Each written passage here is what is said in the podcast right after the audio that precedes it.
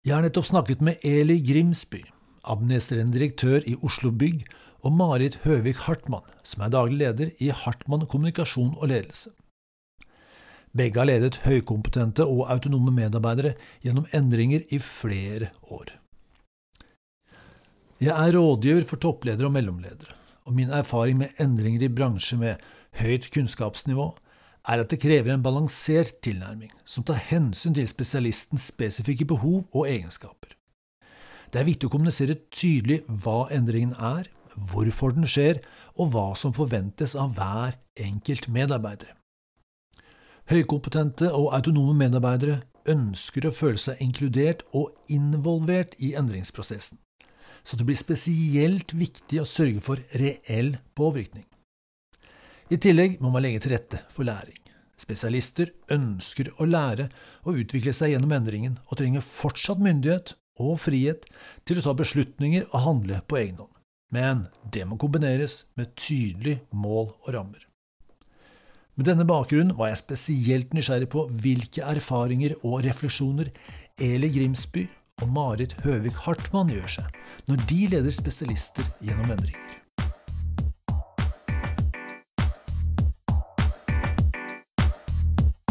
Du lytter til I Prosess, spesialister på innovasjonsprosesser og endringsledelse. Mitt navn er Tor Berntsen, og jeg sitter her i biblioteket på Grand Hotell med to interessante gjester. Og Da vil jeg gjerne starte med å ønske velkommen til Eli Grimsby, administrerende direktør i Oslo Bygg KF. Kan du si litt om Oslo Bygg, og hva du mener er spesielt viktig i din rolle?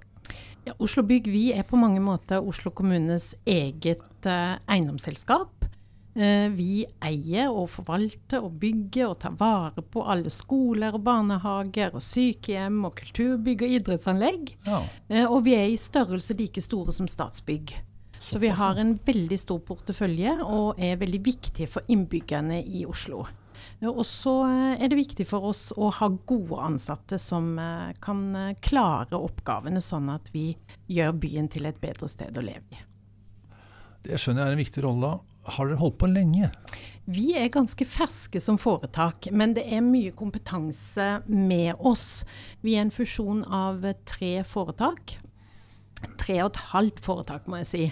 Eh, og de, de foretakene de har en lengre historie. Så de ansatte de har med seg mye god kompetanse og erfaring.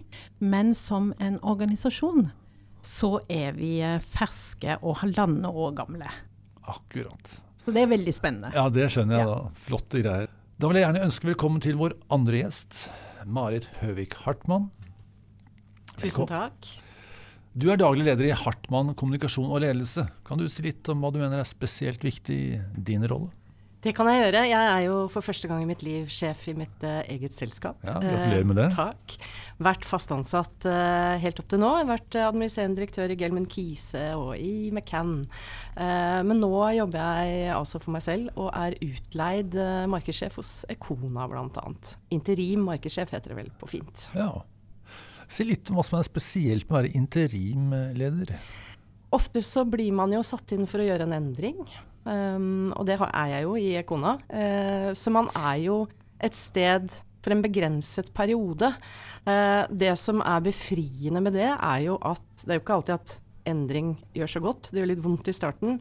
At man kan faktisk uh, si ting som man mener. Man har ingen annen agenda. Det er ingen sånn eh, interne hva skal jeg si, intriger man trenger å være en del av, fordi man skal ut igjen. Ja. Eh, Så det ligger en enorm frihet i det å kunne komme inn og gjøre det man tror på med en faglig integritet. Tørre å være upopulær, for du skal ut igjen. Ja.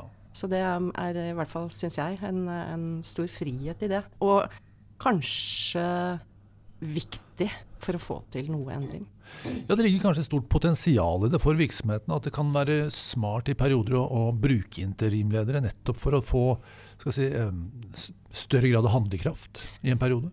Ja, jeg er enig. Du får både utenfra-blikket, eh, med en erfaring i ryggsekken eh, etter å ha gjort mange feil selv, eh, og som du sier, gjennomføringskraften blir større, tror jeg. Ja. Eli, jeg er opptatt av at lytterne våre blir litt kjent med mennesket bak lederrollen. Kan du fortelle oss én ting om deg selv som gir oss et eh, inntrykk av hvem du er?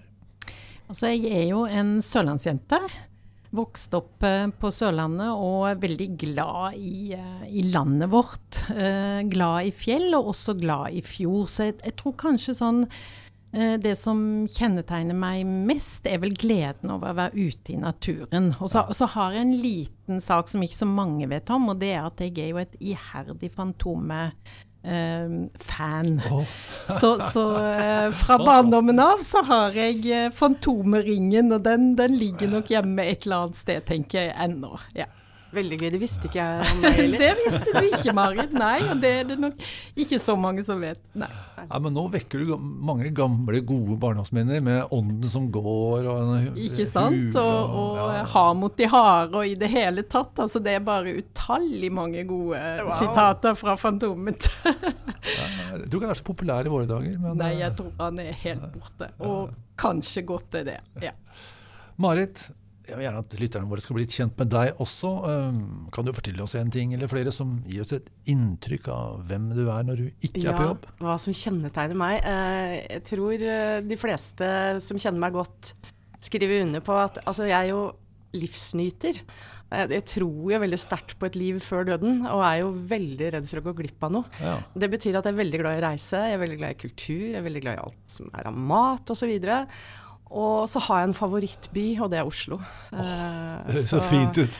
Altså, jeg, jeg kaller meg selv Oslopolitan. eh, så det der å, å, å bruke byen og få maks ut av livet, er vel det jeg Ja, jobbe hardt, men også ha det veldig gøy uh, i resten av uh, timene av døgnet.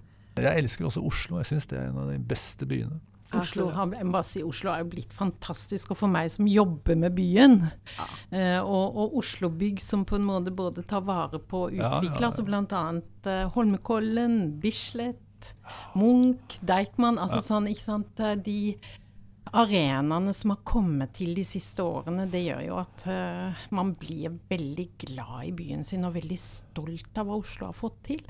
Så det, det syns jeg er liksom helt uh, Ja, jeg syns det har skjedd fantastisk mye bare på de siste ti årene. Ja.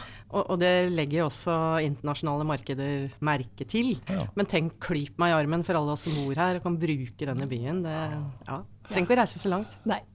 Ja, men Det er godt å være livsnyter og elske Oslo samtidig. Det er, eh, da kan man kanskje få Ja. litt ekstra nytelse av livet. Vi skal snakke om hvordan lede høykompetente og autonome medarbeidere gjennom endringer. Det er kanskje den eh, viktigste problemstillingen vi kan ta opp for ledere i dag, så det her gleder jeg meg veldig til. Men før vi begynner å snakke om eh, selve problemstillingen, la meg komme med et lite bakteppe for samtalen. Historisk sett, la oss holde oss til de siste 20 årene, så har vi hatt en tradisjon innen endringsledelse som har dreid seg om å dele endringene inn i faser og involvere medarbeidere i noen faser, kombinert med si, grader av instruksjon og inspirasjon for å mobilisere de- i andre faser. Dette er en veldig, veldig kort og enkel oppsummering. Eh, Men det har liksom hele tida vært en idé om at lederen vet hva som skal gjøres, og når det bør gjøres. Samtidig har det i de siste 20 årene vært en eh, kraftig utvikling av samfunnet. Vi har blitt mer individualistiske, og arbeidslivet har blitt mer spesialisert. Og eh, vi fikk en ekstra bratt stigning i denne utviklingen i forbindelse med pandemien og bruken av hjemmekontor. Da tror jeg graden av autonomi, altså behov for selvstyring, ble betraktelig forsterket. Og eh, i dag er jo den hybride arbeidsplassen blitt en realitet. Det var jo nesten utenkelig i 2019. Eli, eh, hvordan har du opplevd utviklingen i denne perioden? Ja, det er som du sier, det, det er en, eh, en Vi har gått gjennom en tid som eh, har preget både oss som enkeltindivider, men også hele samfunnet. Eh, Og vi, vi har jo erfart, tenker jeg, i hele Norge, men også i min egen organisasjon, at vi har håndtert covid-perioden på en veldig god måte. Og jeg tror jo at det i stor grad skyldes den tilliten som er i det norske arbeidsliv utgangspunktet for at vi skulle klare oss godt i Norge, var ganske, ganske så bra. Ja.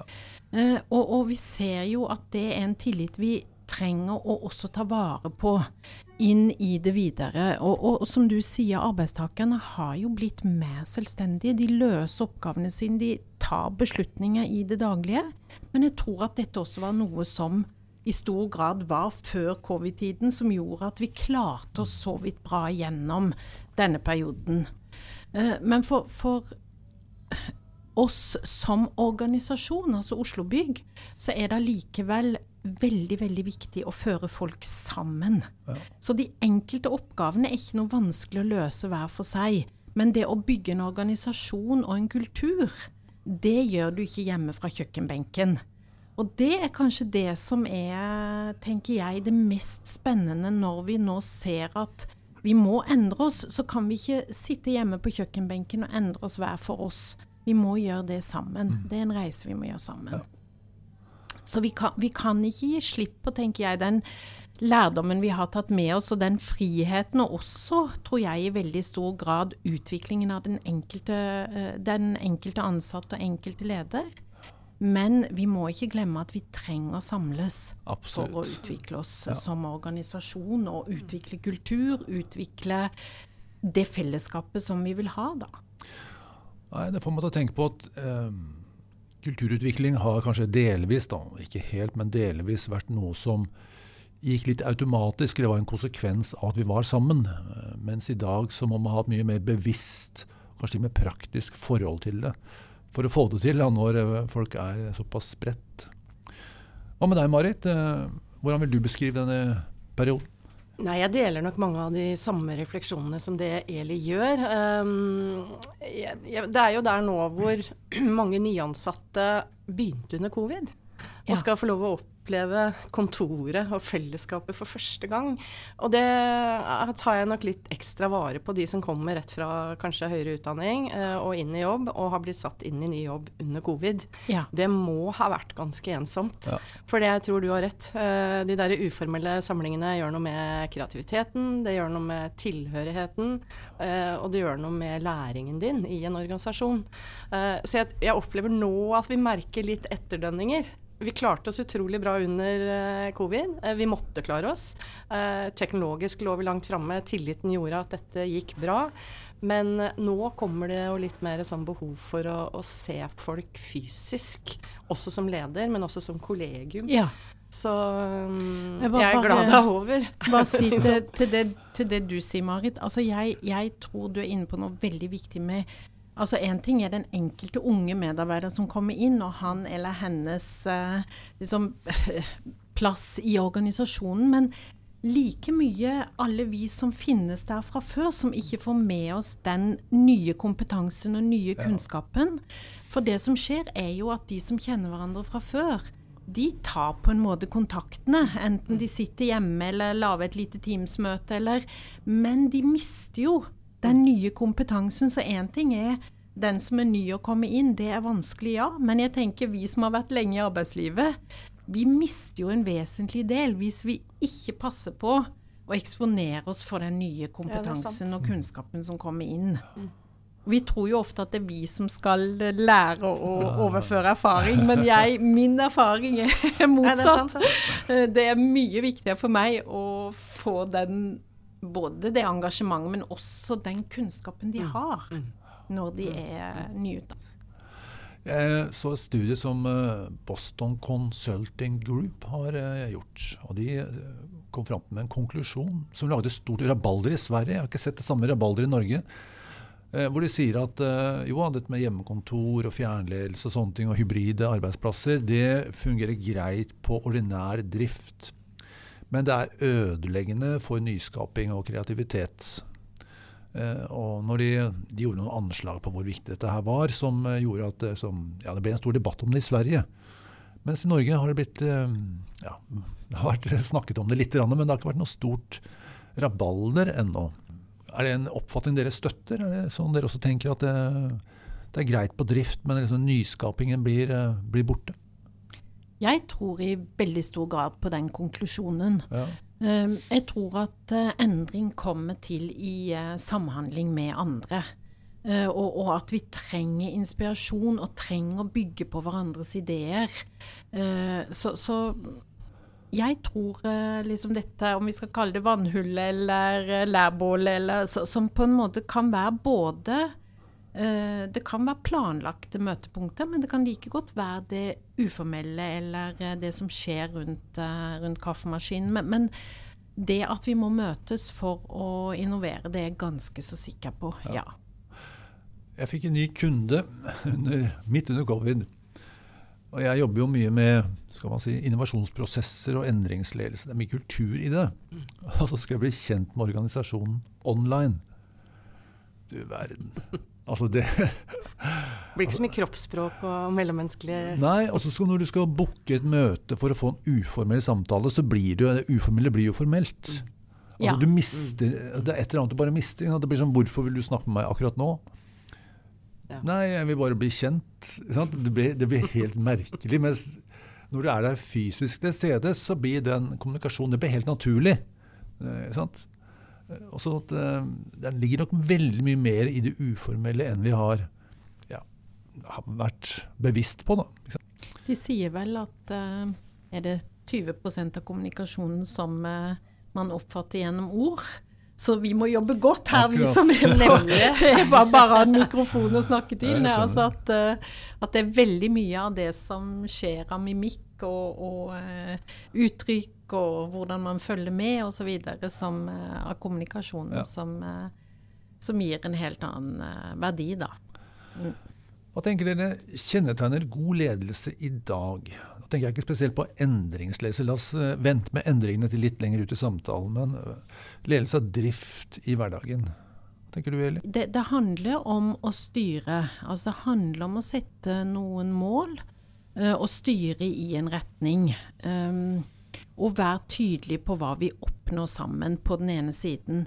På den annen side, akkurat hvordan oppgavene skal løses, det tror jeg man kan bruke mye, mye mindre tid på enn man kanskje tradisjonelt har gjort. Ja. Uh, men, men, det å, å, være tydelig på hva vi sammen skal få til, og jeg tror også forankre, ikke sant, skape en forståelse for dette er det vi skal få til sammen, og informere og rapportere tilbake til de som er med på å nå målene, det, det tror jeg er en uh, viktig del av det å være en god leder. Det er en ting jeg ikke savner, er jo alle disse møtene vi har begynt med igjen etter covid. Så i drift å være en leder og si hvilke møter er nice to, og hvilke er need to. Ja, eh, det... og det, skal alle være med, og har det en agenda, og mm. hvorfor drive med dette her. Så det der å, i drift å, å prøve å kutte ned på møter syns jeg er en av mine kjepphester. Uh, og så handler det egentlig om å se folk. det kvarteret, den halvtimen, ikke vente til den årlige medarbeidersamtalen, men bare se folk. Være spillende trener i det daglige. Sette målene sammen med folk folk og hjelpe de å nå dem. Ja. Jeg tror også dette med ledelsens uh, tilstedeværelse. Altså jeg, jeg, no, noe av det vi, vi, har lagt vekt på i Oslo Bygg, det er jo at lederne faktisk skal være til stede. Sånn at mm. når medarbeiderne Det er jo en uh, vi, har, vi har, jo en anledning til å jobbe hjemmefra, både på kontoret mm. hjemmefra, mm. men når medarbeiderne kommer til kontoret, så er lederne der. Det skal ikke være sånn at 'oi, jeg var litt uheldig, jeg kom liksom på de to dagene hvor lederen satt hjemme'. Eh, det er viktig at lederen er der når medarbeiderne kommer. Så, så lederne har ikke i samme grad den frihet, selv om man av og til også som leder kan sitte hjemme. Så, så er det viktig, tenker jeg, at man vet hvor du finner lederen. Ja. Uh, og det, det, tenker jeg det er en god ledelse i dag. At, at det ikke har blitt ikke blir for uklart for medarbeiderne. Mm. Hvor mm. er lederen min? At du faktisk vet hvor du finner lederen din. Jeg har gjort meg noen refleksjoner rundt dette med kompetanse. For det,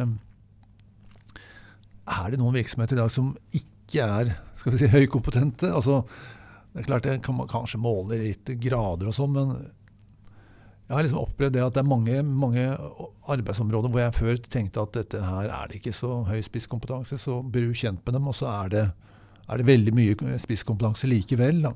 Jeg, jeg, tenkte faktisk akkurat på det samme når jeg satt på T-banen eh, og tenkte på temaet litt på vei eh, ned hit i dag. Så tenkte jeg at vi har jo blitt et samfunn som er eh, høykompetent på nesten alle områder. Eh, enten det er eh, et håndverkeryrke mm. eller det er et akademisk yrke. Og det er jo ingen tvil om at uh, den formelle kompetansen er veldig høy i nesten alle mm. yrker, og, og behovet for uh, formalkompetanse er stort i veldig mange yrker. Så kanskje skillet, som du sier, litt kunstig. At Ja, vi, ja. vi må egentlig ha som utgangspunkt Mm. at vi møter høykompetente medarbeidere, og som kan mer Yes. enn leder.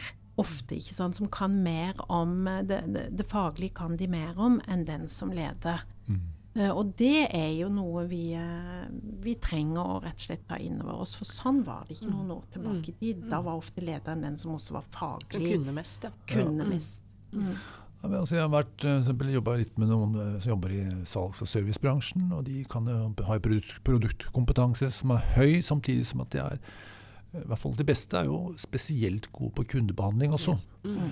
Og, når de gjør sånne ting til fag, ikke sant? eh, så, så merker du forskjellen at oi eh, nå, nå, nå kjøpte jeg bare en kopp kaffe, men, og jeg fikk en veldig god behandling. og Såpass bra at jeg følte at jeg man fikk litt løft på dagen. Og det er klart at uh, Neste gang jeg skal ha kaffe, da, så går jeg gjerne dit. Altså, Spisskompetansen er jo så på mange områder, for konkurransen blir så mye hardere. Men dette med autonomi setter jo også spesielle krav til jeg skal si, ledelse. Um, Det er et ord som brukes mye, men det jo, betyr jo selvstyring eller si, handlingsrommet til medarbeiderne. Hva tenker du, eh, Marit, når det blir sånn eh, Du har medarbeidere som skal lede seg selv i stor grad. Hva blir lederens rolle da? Ja, ikke sant. Eh, og jeg, jeg prøver å tenke etter gjennom alle jobbene jeg har hatt som leder, så, så er det høykompetente og svært autonome eh, mennesker eh, som jobber. Eh, jeg tror, jeg, Min opplevelse er at disse menneskene har også behov for sparring. Ja. eh, og ledelse. Det er det, er feil å tro at de ikke trenger ledelse, for det gjør de. Eh, men de trenger frihet eh, i utøvelsen av, eh, av yrket sitt.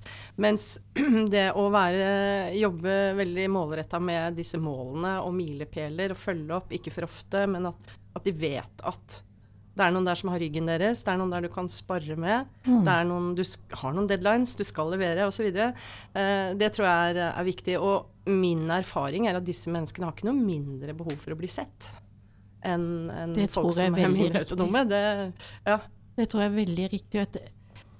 Tenker på det du sier. Jeg tror, tror dette med å gå inn i en dialog med dem med tanke på å, å eh, gjøre type vurderinger. Hvor er det risikoen ligger i forhold til å nå målene mine? Ja. Mer enn akkurat å snakke om hvordan skal du løse oppgaven. Eh, fordi det, det jeg tror vi ofte ser, er jo at en del oppgaver de klarer man ikke å få til fordi man ikke har forstått f.eks. hvem er det jeg trenger å forankre denne løsningen hos.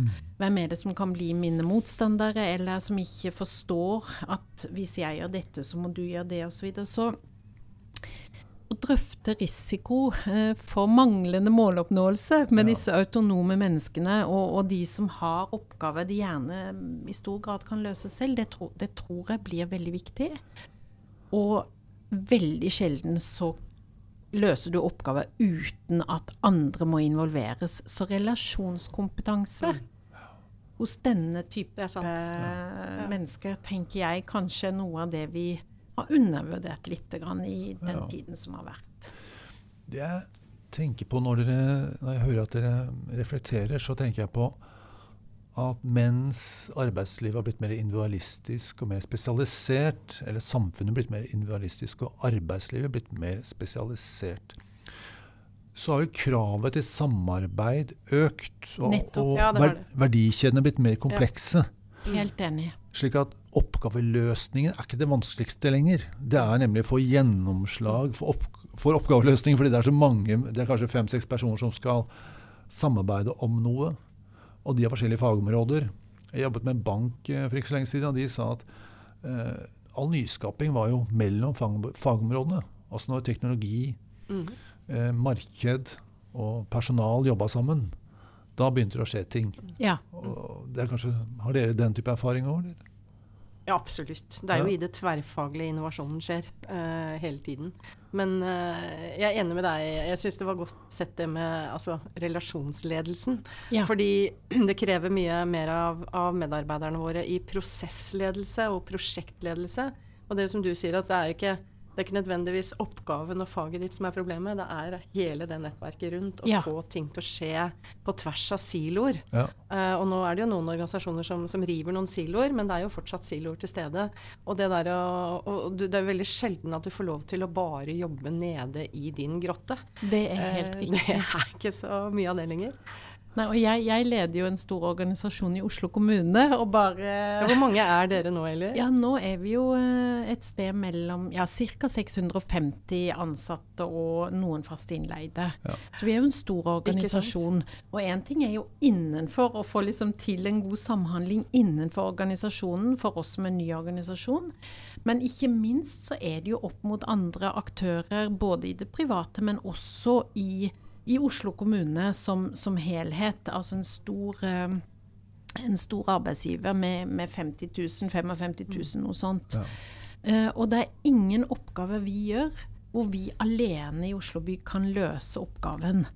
Eh, så det å ha medarbeidere med god relasjonskompetanse og god forståelse for prosesser de kan regne, ikke sant? og de kan eh, skrive, og de kan eh, beregne, og hva det måtte være.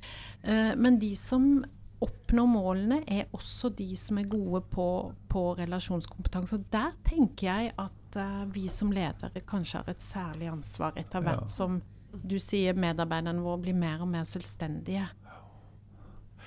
Ja, for de blir mer selvstendige i oppgaveløsningen, og, gjennomf og gjennom, når gjennomføringen blir mer kompleks, der trenger vi å snakke sammen. Altså, Ja. Ledere trenger mm. også å snakke sammen der.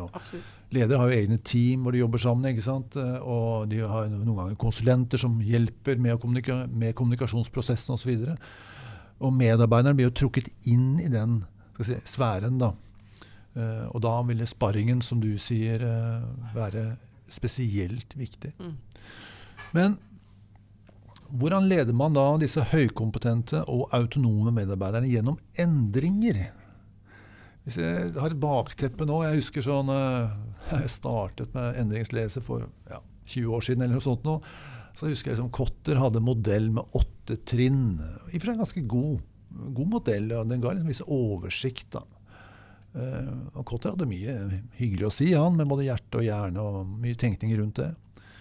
Men hva, hva blir liksom annerledes i dag, hvis vi har det som bakteppe? Jeg er jo veldig opptatt av at vi skal huske på hvorfor vi er der. Altså liksom finne litt tilbake til kjernen. Og, og i alle fall eh, opplever jeg for oss i Oslo Bygg at, at det er veldig enkelt å bli motivert. Altså den enkelte ansatte er veldig stolt over samfunnsoppdraget og, og det viktige som vi, vi faktisk er med og gjør for byen.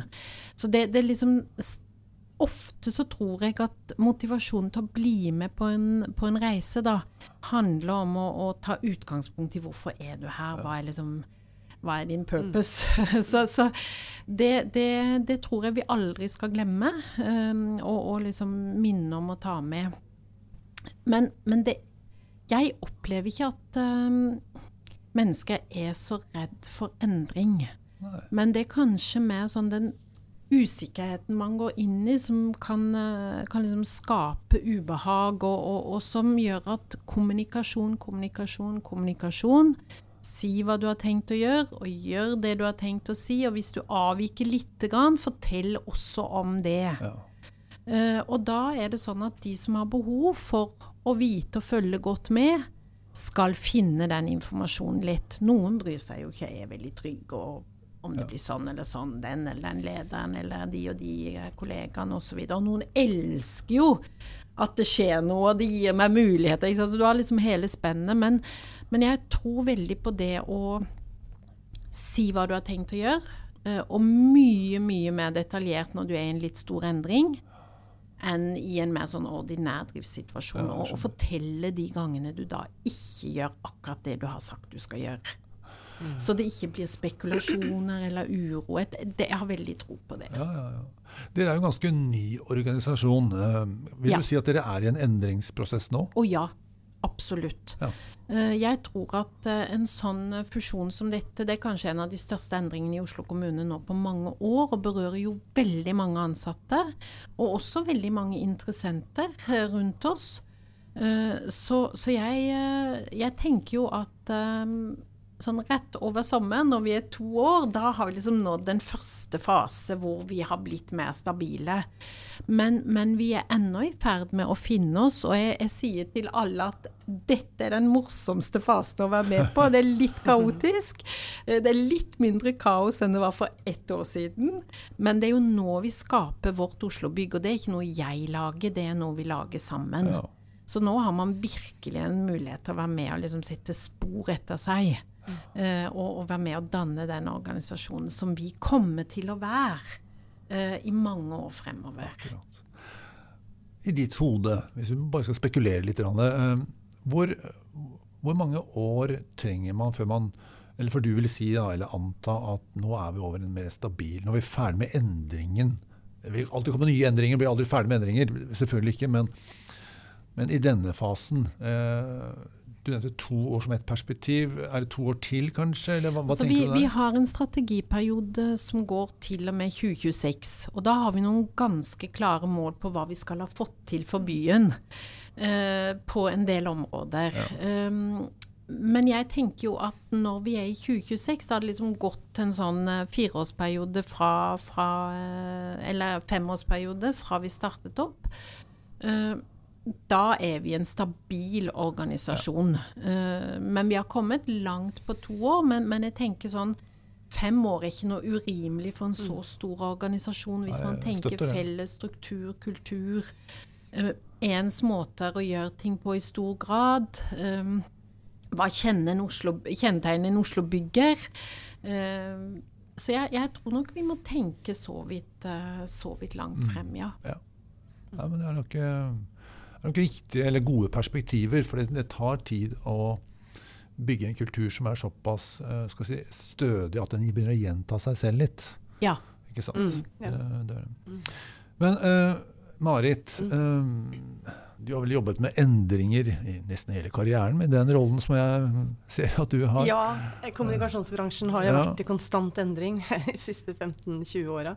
Uh, jeg har eh, i hvert fall eh, disse høykompetente, autonome medarbeiderne. Eh, jeg husker tilbake i, i, en tidligere arbeidsgiver hvor jeg var leder, så brukte vi jo i ledergruppen et halvt år på å analysere, på å diskutere fram en endring, en organisasjonsendring. Og så inviterte vi til kickoff, pauker og basuner, og så går vi ut og så forteller vi hva vi skal gjøre, og hvordan vi skal gjøre det. Og kunne ikke fatte og begripe at ikke folk var begeistra. Vi hadde jo glemt en, en helt avgjørende ting folk må jo forstå hvorfor. Ja, ja. Ja, for det hadde jo vi snakka om så lenge, så det tok jo vi for gitt. Så disse medarbeiderne, all endring starter med at folk skjønner hvorfor. Uh, for hvis ikke du får med folk på hvorfor, hvordan i all verden skal du da få det med videre? For forandring fryder ikke uh, i organisasjoner. Det gjør litt vondt i starten. Så det der med å i hvert fall få med folk på hvorfor, og, og virkelig berede den, uh, den, historien godt, hvorfor vi trenger endring, og få medarbeiderne til å kjenne på litt pain, at ja, og så må de tro på det fremtidsbildet du skaper, ja. uh, og kjenne med hjertet at For at det første er litt sånn kognitivt. Jeg skjønner, OK, ja. Eh, det er hodet. Og så hjertet. Åh, oh, jeg vil dit. Og det må jo ta grunnlag i eh, det grunnleggende du er der for, som Eli beskriver, men du må liksom lage en finere fremtid enn vi har i dag. Ja. Og så må du gi folk litt sånn hjelp til de første skritta.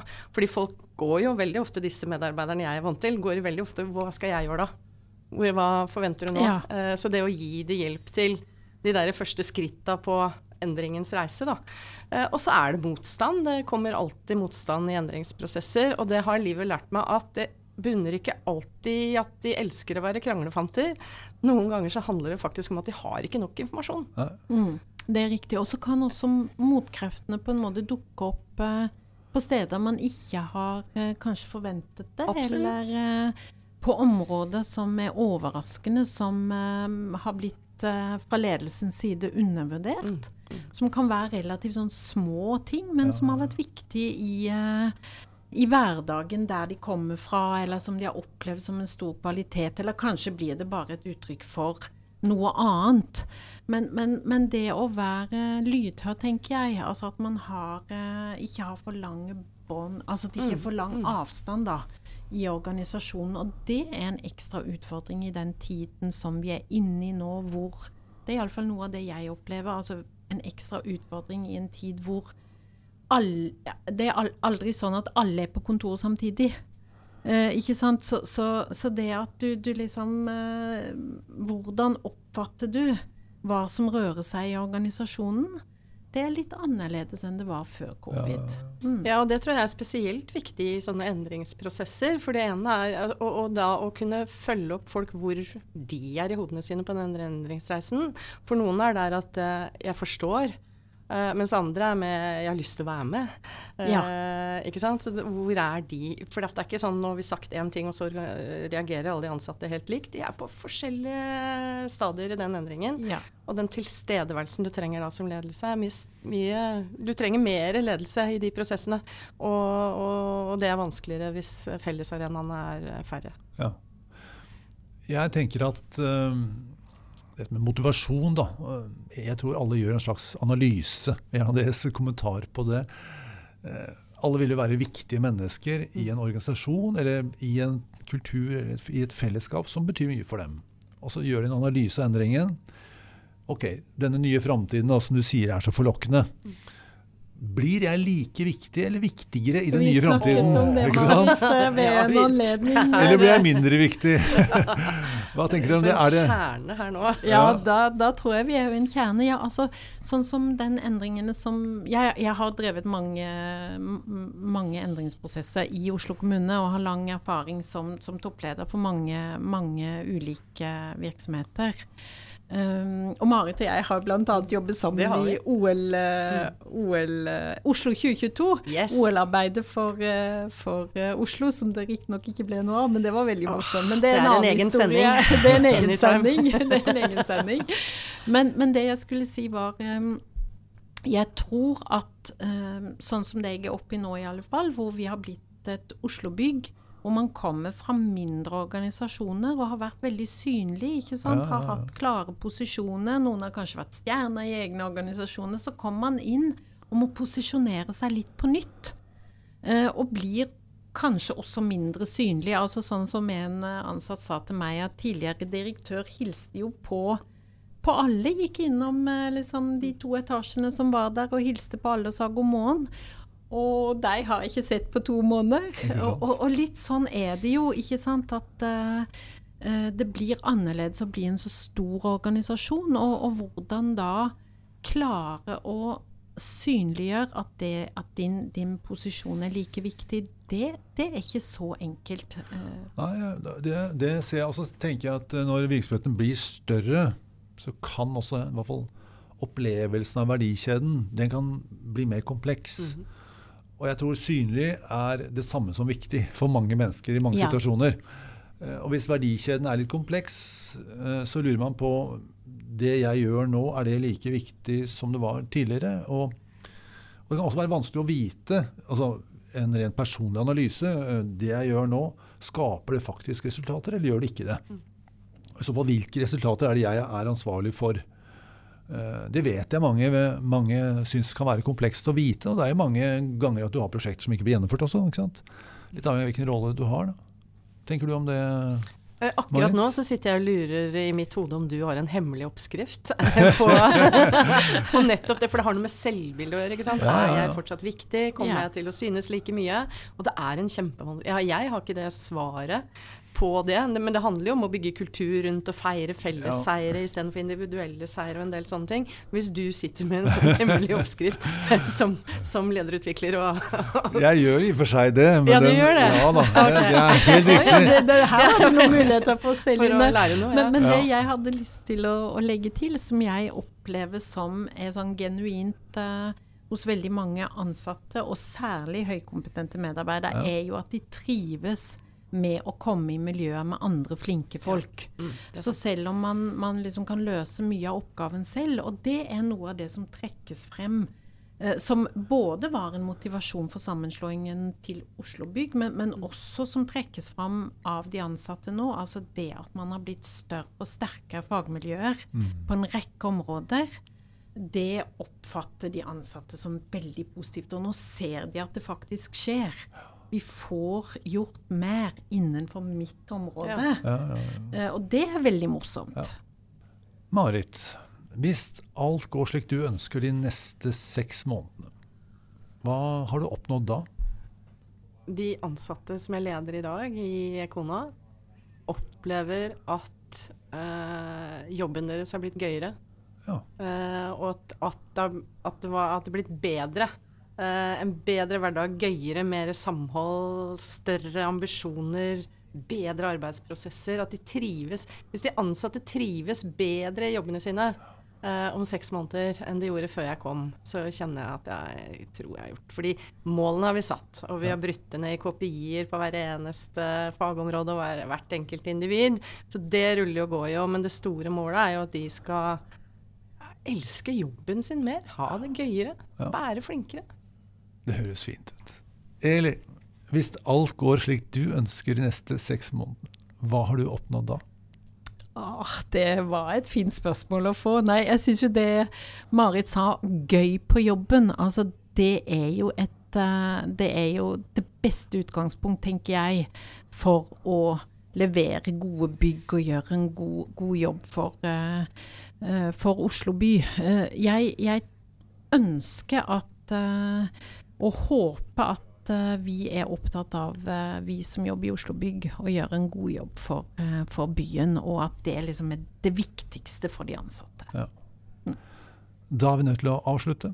Hensikten med denne refleksjonen er økt bevissthet. Fordi vi tror at det du er bevisst, kan du gjøre noe med.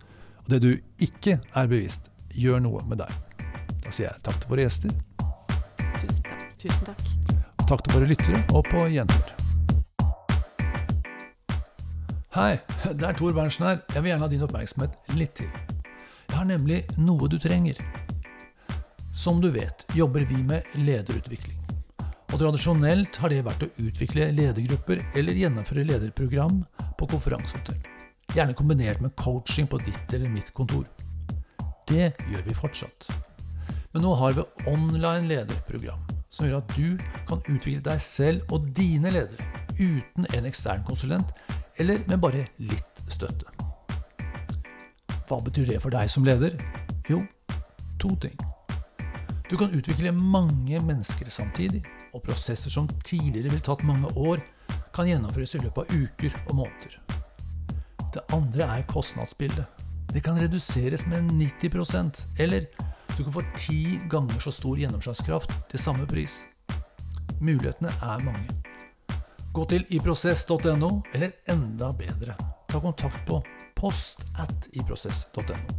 Så kan vi avtale en prat om hva som passer for deg og din virksomhet. Vi snakkes.